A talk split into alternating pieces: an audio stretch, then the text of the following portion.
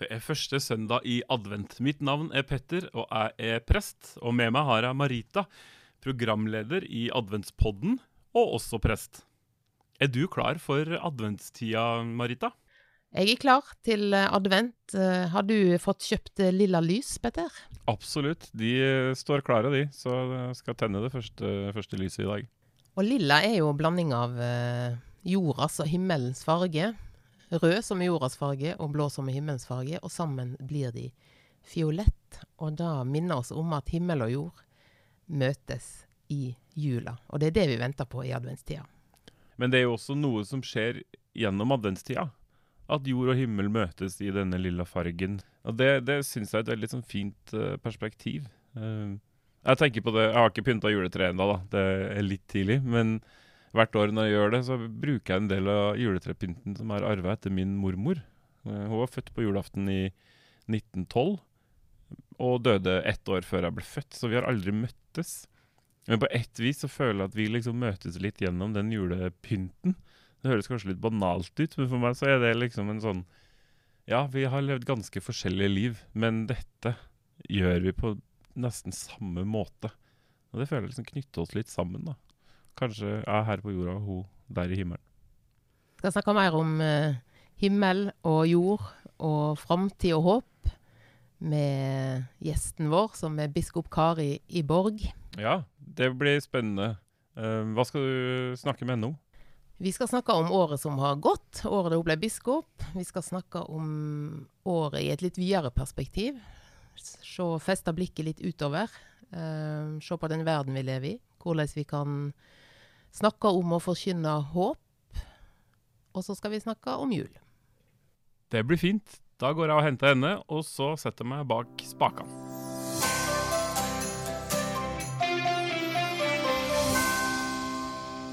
Biskop Kari i Borg, velkommen til denne podkasten. Tusen takk. Hvem er du? Ja, jeg er uh, biskopen i Borg, da. en ny identitet for meg. Det ble jeg vigsla til i april. Men jeg er uh, Jeg er en jente fra Østfold, vokste opp i Råde. Ble pre ordinert til prest i 99, så har jeg jobba ganske mange år i videregående skole som lærer i religion og etikk. Og så har jeg vært prost. Jeg har jo vært en sånn lederspire hele mitt liv, sikkert. og nå er jeg altså biskop. Mm. Den lederspiren, hvor uh, har den uh, utfolda seg? Hvilke miljøer har du vært i, eller hvor har du kjent at du liksom har uh, fått uh, sjøltilliten til å, å, tenke på deg sjøl som en lederspire? Jeg tror at jeg vokste opp i et hjem der ledelse var en del av hverdagen. For min far var rektor på Tom jordbruksskole, og min mor var sykepleier og avdelingsleder. Så uten at vi egentlig reflekterte så mye over det, så tror jeg nok at ledelse, og det som jo egentlig kanskje først og fremst er å ta ansvar, det var en sånn viktig del av hverdagen hjemme hos oss, å være leder. Så jeg tror at jeg, Og jeg syns det var gøy å ta ansvar. og så fikk jeg muligheter til det både i, på skolen og i kirke og på bedehuset. Kanskje særlig på bedehuset, at jeg fikk mulighet til å utfolde meg der, og fikk oppgaver som gjorde at jeg kjente at jeg trivdes med å ja, med å ha ansvar, utforme ting, prøve å få andre med meg, ja, sette retning. Mm. Og det er vel ting som du har glede av i bispegjerningen også, tipper jeg? Ja, absolutt, jeg har det. Og jeg har aldri sett for meg og sikta meg inn mot en bispestol. Uh, men det er klart, den, jeg ser jo når jeg ser bakover, at jeg har fått med meg noen viktige erfaringer som jeg kan dra nytte av og ha glede av nå. Du har jo også sagt uh, i en sammenheng at du er en takknemlig bærer av bedehustradisjonen. Hva legger du i det? Jeg opplevde at på bedehuset så ga de veldig stort rom til oss til å være, være de vi var, og være engasjerte. Og det er klart det var en, en slags konservativ teologi som ble forkynt fra, fra talerstolen. Eh, men det var en sånn varme i det voksenmiljøet som lot oss unge, unger og, og ungdommer da, få plass, som jeg opplevde som veldig godt. Og så tenker jeg at den vitnesbyrdtradisjonen, og faktisk sette ord på hva troen er for meg, den har jeg tatt med meg veldig mye godt ifra. Eh, og så opplevde jo jeg for min del ikke at det var noe som At den forkynnelsen som var liksom trykka meg ned og gjorde meg redd. Så jeg snakker jo ikke på vegne av alle andre som gikk der jeg gikk, men for meg er, har det vært en veldig god erfaring, og jeg er veldig takknemlig for at jeg har fått være en del av det. Og det er klart, den myndiggjøringen av lekfolket som uh, foregikk der, den har jo jeg også hatt stor glede av å få være en del av.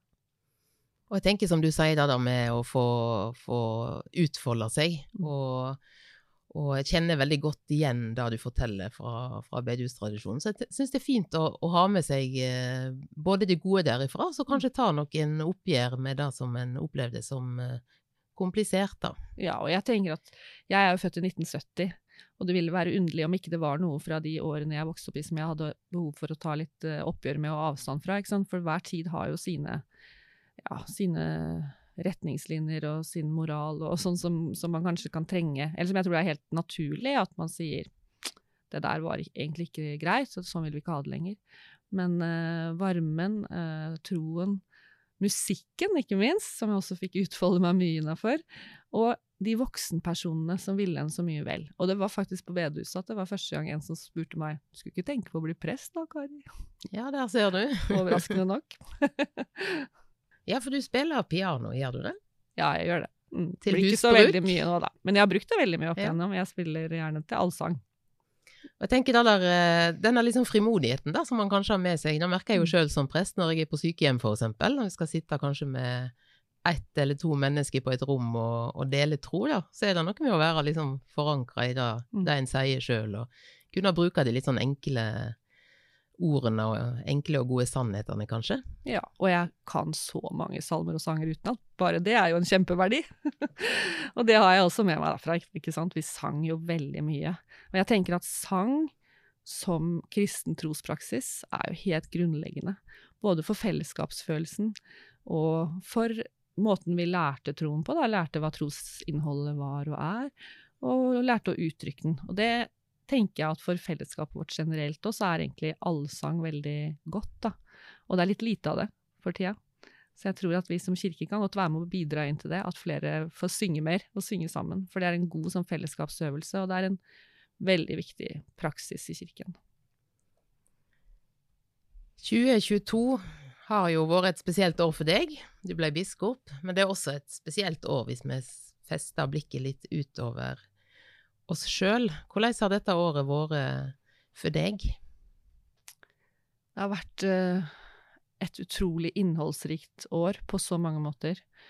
Uh, for meg personlig, ikke sant, med hele prosessen fram mot uh, vigslingen. Men ellers også fordi det som skjer i verden, det påvirker oss så veldig. Og, og, i år kjenner vi det kanskje mer enn vi har gjort på lenge. ikke sant? 24. februar med angrepet på Ukraina hvor jeg snakka med min sønn, jeg har tre barn, den ene bor i København, og han bare sier sånn Mamma, jeg, jeg, jeg er så skuffa over verden.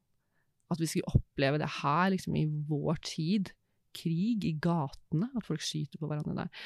Så, så hele den krigen og, og, hvordan den har påvirka oss, har jo Kjenner jo jeg også veldig at uh, gjør noe med liksom tankene og også livsfølelsen, og man merker det hos mange. Og så er, det, er vi jo, er vi liksom akkurat ute av en pandemi, ikke sant? og koronatida også har jo påvirka oss veldig mye. Og jeg tror vi merker en god del ettervirkninger med mange som er litt mer usikre på å være sammen med andre. Mange konfirmantlærere, eller um, de som jobber med det, forteller jo at ungdommer i større grad enn før ikke klarer å være sammen med mange, ikke klarer å spise sammen med mange. Så jeg tenker særlig på ungdommene, som, hvor to år er veldig lang tid. da. Uh, min yngste datter hun var russ i 2020, første koronaruss. og så rett på universitetet, ikke sant, uten en gang å møte opp til undervisning. Det er, har ikke vært noen gode år for disse ungdommene. De, de har jo mye styrke inni seg, de, mange klarer det, men vi må være veldig oppmerksomme på det. Og så skytinga 25. juni. Ja, man kan liksom ramse opp veldig mange vonde ting som jo jeg vet ikke, det, det ble jo veldig eh, Det var veldig tungt å, å, oppdage at det hadde skjedd. Det var tungt å se hva som skjedde etterpå, at politiet ikke kunne love at man kunne liksom beskytte, sånn at man kunne gå ut og markere. Men så i Fredrikstad så fikk vi til i august å ha en skikkelig pride-tog og markering der. Det, det var jo bare sånn eksplosiv glede over at det gikk an. Å være sammen og, og både protestere mot de som vil eh, dem, De som angriper eh, de av oss som er skeive, og, og, kunne liksom feire mangfoldet, da. Og så tenker jeg at det som handler om økonomi, er, er utfordrende for veldig mange. Og inflasjon og strømprisene og renteøkning og sånn, at vi skal være veldig oppmerksomme på at for mange av oss så er det Så skaper det store utfordringer. Og det, det, det påvirker på mange måter meg òg. Og så tenker jeg at jeg er liksom blanding av at jeg er sånn kognitiv på det, at jeg vet ja, nå er det, nå er det krigstrussel. Nå er det, ikke sant? Og at jeg likevel klarer å være til stede og leve og ha det godt her og nå. Og så kan jeg av og til kjenne at det også går liksom rett i emosjonene, da og at man kan kjenne på frykten. Uh, og jeg tror vi må nevne det med klima òg nå. Nå har det jo akkurat vært en konferanse i Sharm el Sheikh, og den uh, flommen i Pakistan og alle disse tingene. Ja, man ser liksom at det er mange ting, da. Det er et, et ganske liksom dystert bilde. Så hvis man bare stirrer på det, så ser det liksom litt mørkt og håpløst ut. Så jeg er jo veldig opptatt av hvordan vi kan få inn lysglimtene, hvordan vi kan forsterke dem og feste blikket på det som er godt og som er bra, og som kan gi oss håp og lys og varme. Vi må snakke litt mer om ungdom. Du har jo mm. ungdommer sjøl hjemme, og du har også jobba som lærer. Og alle disse tingene som du nevner nå, tror du de setter seg i ungdommen på en annen måte enn det de gjør eh, hos oss voksne? Jeg tror at ungdommer er like forskjellige som alle andre. så det er veldig ulikt for dem også. Man ser jo mange ungdommer som, som, som, har masse livsglede og som har tro på framtida osv. Men det er jo noen trekk som man ser, kanskje hvis vi går litt mer sånn kunnskapsmessig til verks og ser på undersøkelser som har gjort studentenes helse- og trivselsundersøkelse, Ungdata, disse tingene her, så ser man jo at, at for første gang på veldig lenge så er ungdommene mindre optimistiske med tanke på framtida si enn de gamle, faktisk. og det forteller jo noe om en eller annen skifte i hvordan man ser på hvordan framtiden min kan bli. For jeg tenker, når jeg var ung på 80-tallet, så trodde vi jo egentlig bare at det bare kom til å gå oppover. og vi kunne tillate oss å tro det og tenke at er veldig sånn tydelig at ja, mitt liv kommer til å bli enklere enn mine foreldres liv. Mens nå tenker kanskje folk litt annerledes. Men det er jo også hos ungdommen du ofte finner en sånn veldig styrke til, til endring, en, en kraft til å gjøre gode ting. Så jeg tror det er liksom viktig at vi ikke bare tenker på ungdom som en gruppe, men at de også er ulike, da. Uh, og så tenker jeg at vi må gjøre et godt arbeid som voksne med å være i samtale med ungdommene. For vi, vi, vi har så lett for å tenke liksom, ja, hva kan vi gjøre for ungdommene i dag? Så snakker vi med hverandre om hva vi kan gjøre, men at vi snakker med ungdommene, det er kanskje den viktigste når man skal, skal tenke ut hvordan kan vi bidra til at dere har dere trenger for å ha gode liv, for å tro på framtida. Da må vi være i samtale med dem og lytte. Vi må jo rett og slett være litt uh, til stede. Legge ja. bort uh, telefonen og mm. skjermen av og til. Mm. Og, og, kanskje ta de, all den inputen som de får i alle kanaler, ned på en sånn samtale rundt kjøkkenbordet òg av og til. Ja, det tror jeg er veldig bra. Rett og slett å få til det. Møtes i øyenhøyde. Og høre på dem. Hva er det de ser og oppfatter? Uh, og hvordan tenker de? At vi skal få en god eh, Skape gode lokalsamfunn, skape gode liv for flest mulig. Og kanskje hjelpe av og til å sortere litt også mellom sant og usant og konspirasjoner og mm. Det er jo utrolig masse de fanger opp gjennom en dag på TikTok og der de er.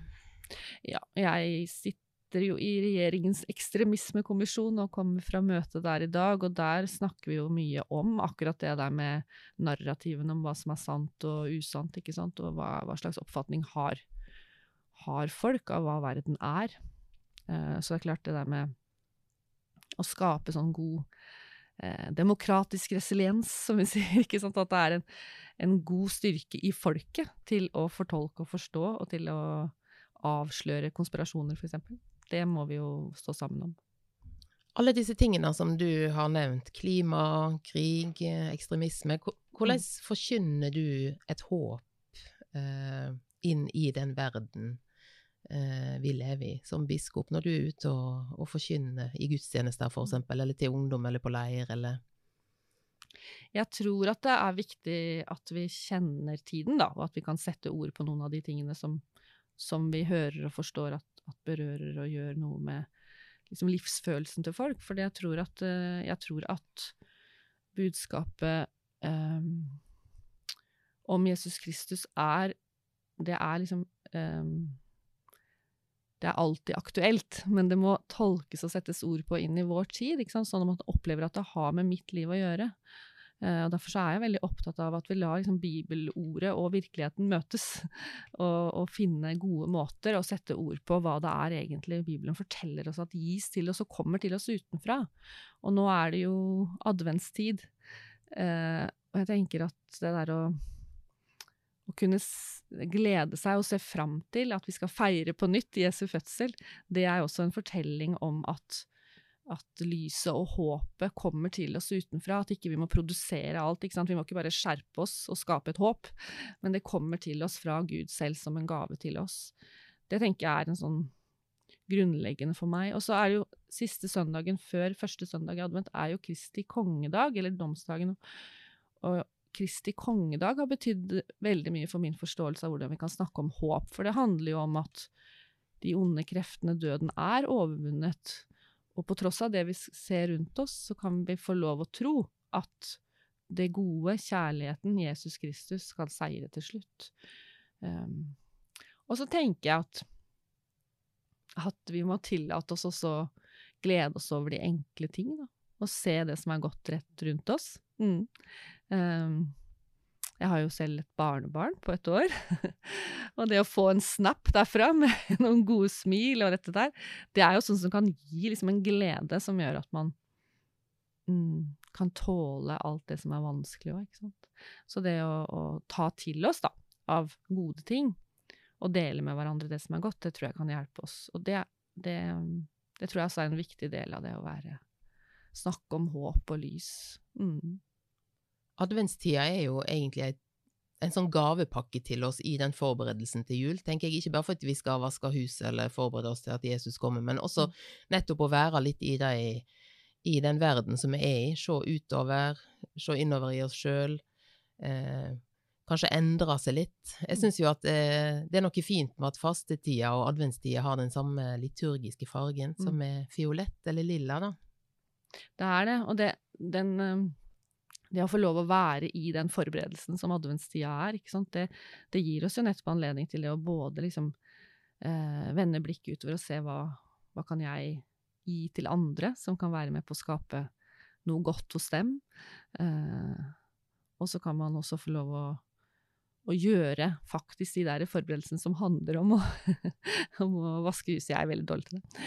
Men eh, bake eller henge opp lysene eller gjøre de tingene som minner en på og gir en selv liksom eh, noe inn i hverdagen som gjør at man kan liksom glede seg og finne, finne fram til julegleden.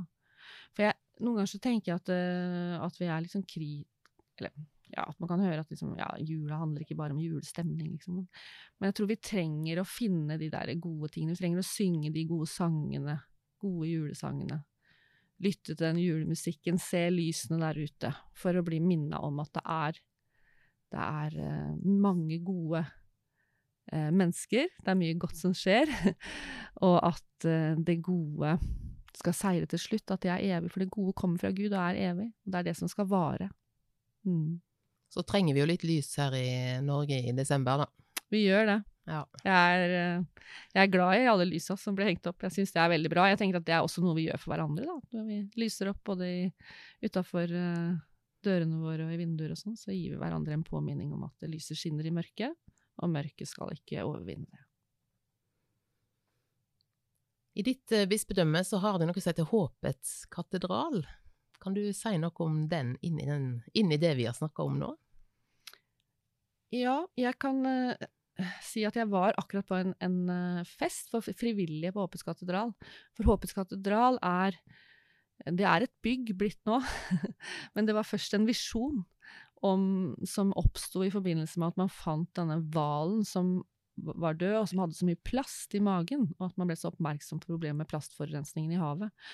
Og så, og så oppsto det en visjon om at man skulle bygge en katedral som skulle ha et tak av resirkulert plast fra havet. Og nå er den faktisk ferdig. Den er utrolig vakker. Eh, og når jeg var på den festen, så fikk jeg se filmen om tilblivelsen av katedralen.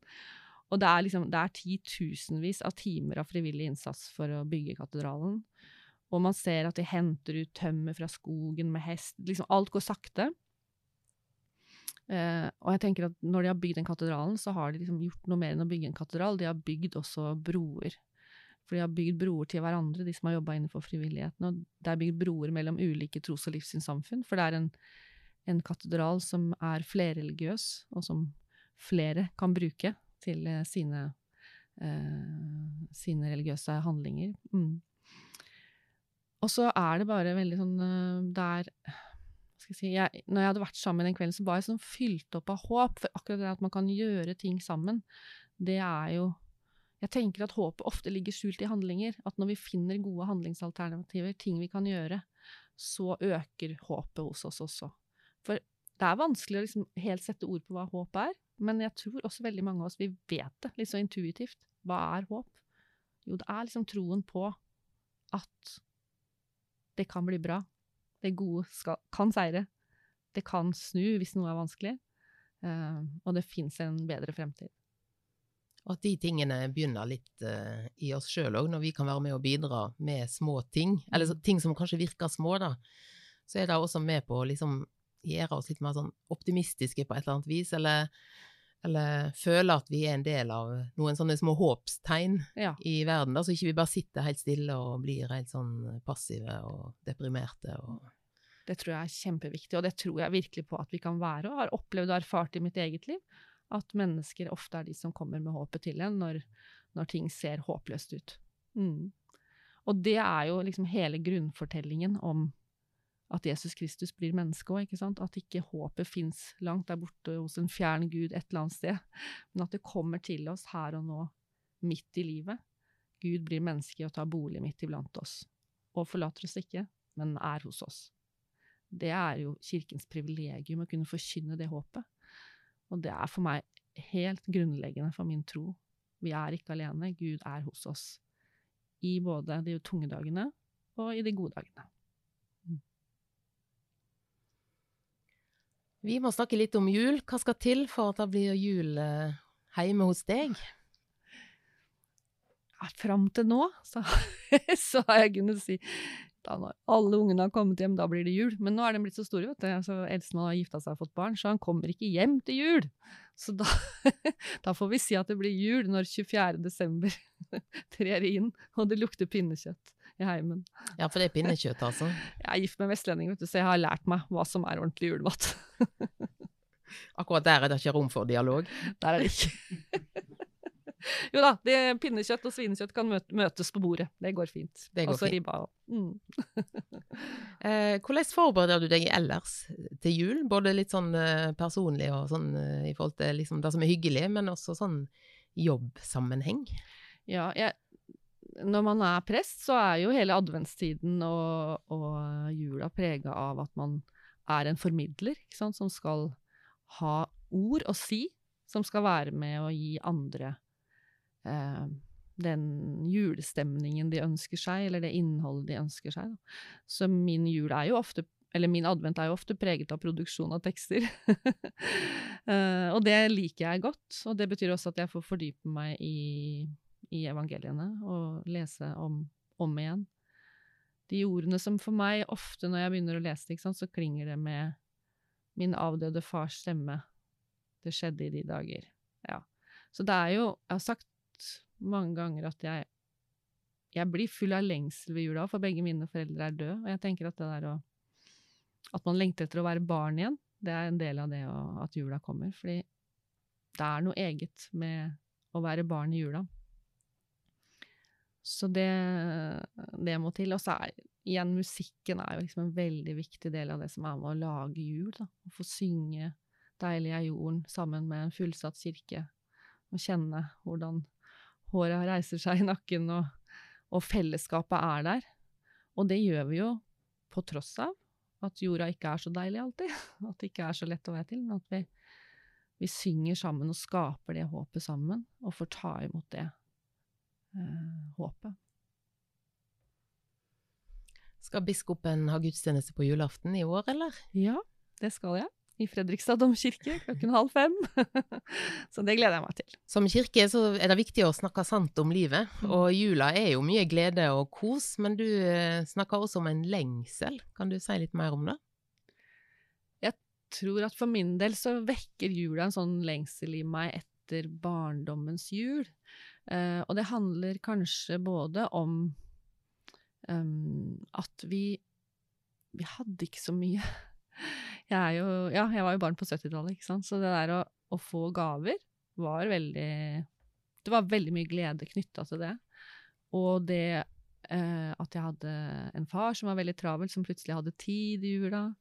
Vi var fem søsken, vi fikk være sammen. Og så hadde vi veldig sånn sterke tradisjoner hjemme. vi, vi sang hjemme. På julaften så gikk vi rundt juletreet og sang julesangene, og jeg var faktisk av det slaget som liksom gjerne ville utsette åpninga av gavene. Så jeg var den dårlige søsteren som sa 'vi tar en sang til'. men, eh, men liksom den opplevelsen av fellesskapet, tror jeg, at vi alle liksom var samla, og og den ærbødigheten når mamma og pappa forholdt seg til juleevangeliet, um, og den gleden over at vi fikk gaver, den, den opplever jeg liksom Den kjenner jeg at jeg kan lengte etter, da, for det var så mye sjeldnere. Nå har vi så mye mer. Nå går vi rundt og lurer på hva skal vi finne på å kjøpe til ungene våre, liksom, eller til den og den. Men at vi trengte jo ting. Det var liksom en litt sånn annen måte. Um, og så tror jeg bare det er den stemningen som, som var der, og som for, jeg var heldig ikke sant, og vokste opp i et hjem som var for meg godt å være i, og hvor julestemningen var god. Så jeg kan kjenne liksom luktene av eh, peppernøttene, ikke sant, og luktene av eh, grantreet som vi faktisk henta ute i skogen, alt det der. Så jeg tror det er, det er en sånn, det er en, en slags nostalgi og en vemodighet i det, og, og en lengsel etter de som ikke lever lenger, da, lenger. At det er i jula så blir det også tydelig ikke sant, hvem man savner rundt bordet. Mm. Men, øh, men det er ikke en sånn, for meg en sånn sår og vond og opprivende lengsel, men det er den derre vemod og den, ja, kanskje, kanskje også litt lengselen etter barndommens uh, uansvarlighet. Mm. Slekt skal følge slekters gang, det er jo sånn det er. Og det at vi nå skal lage jul for andre, er jo, gjør jo at en også ser tilbake på, på den jula en hadde sjøl, da. Og Ja. vil skape noe fint for de som, som vi har rundt oss nå, da. Og jeg syns det er så fint å se at folk gjør så mye for at folk skal ha en god jul, både for sine egne, men også at det er så mange som bidrar, og som deler, og som inviterer andre inn. Det, det er skikkelig håpstegn i jula, at det er så mange som vil at alle skal ha en god jul, og som inviterer, og som deler. I koronaen så hadde vi en sånn um, uh, takeaway julemiddag. Vi har jo sånn fast middag der jeg jobba, og så kunne vi ikke ha det i koronaen, så da hadde vi takeaway på ribbe. Og da sto jeg og passte på at køen hadde, at det var anstendig avstand mellom de som sto i den køen for å hente den middagen, og da hørte jeg en som sa til en annen du, si fra hvis du er alene på julaften, da. Ingen skal være alene på julaften. Er ikke det flott? Det er, det er noe veldig godt i folket vårt her, altså. At vi vil at eh, alle skal ha noen å være sammen med, og alle skal ha det godt i jula. Det er jo det jula handler litt om, er det ikke det? Jo, Og det handler om å ta imot, det handler om å dele.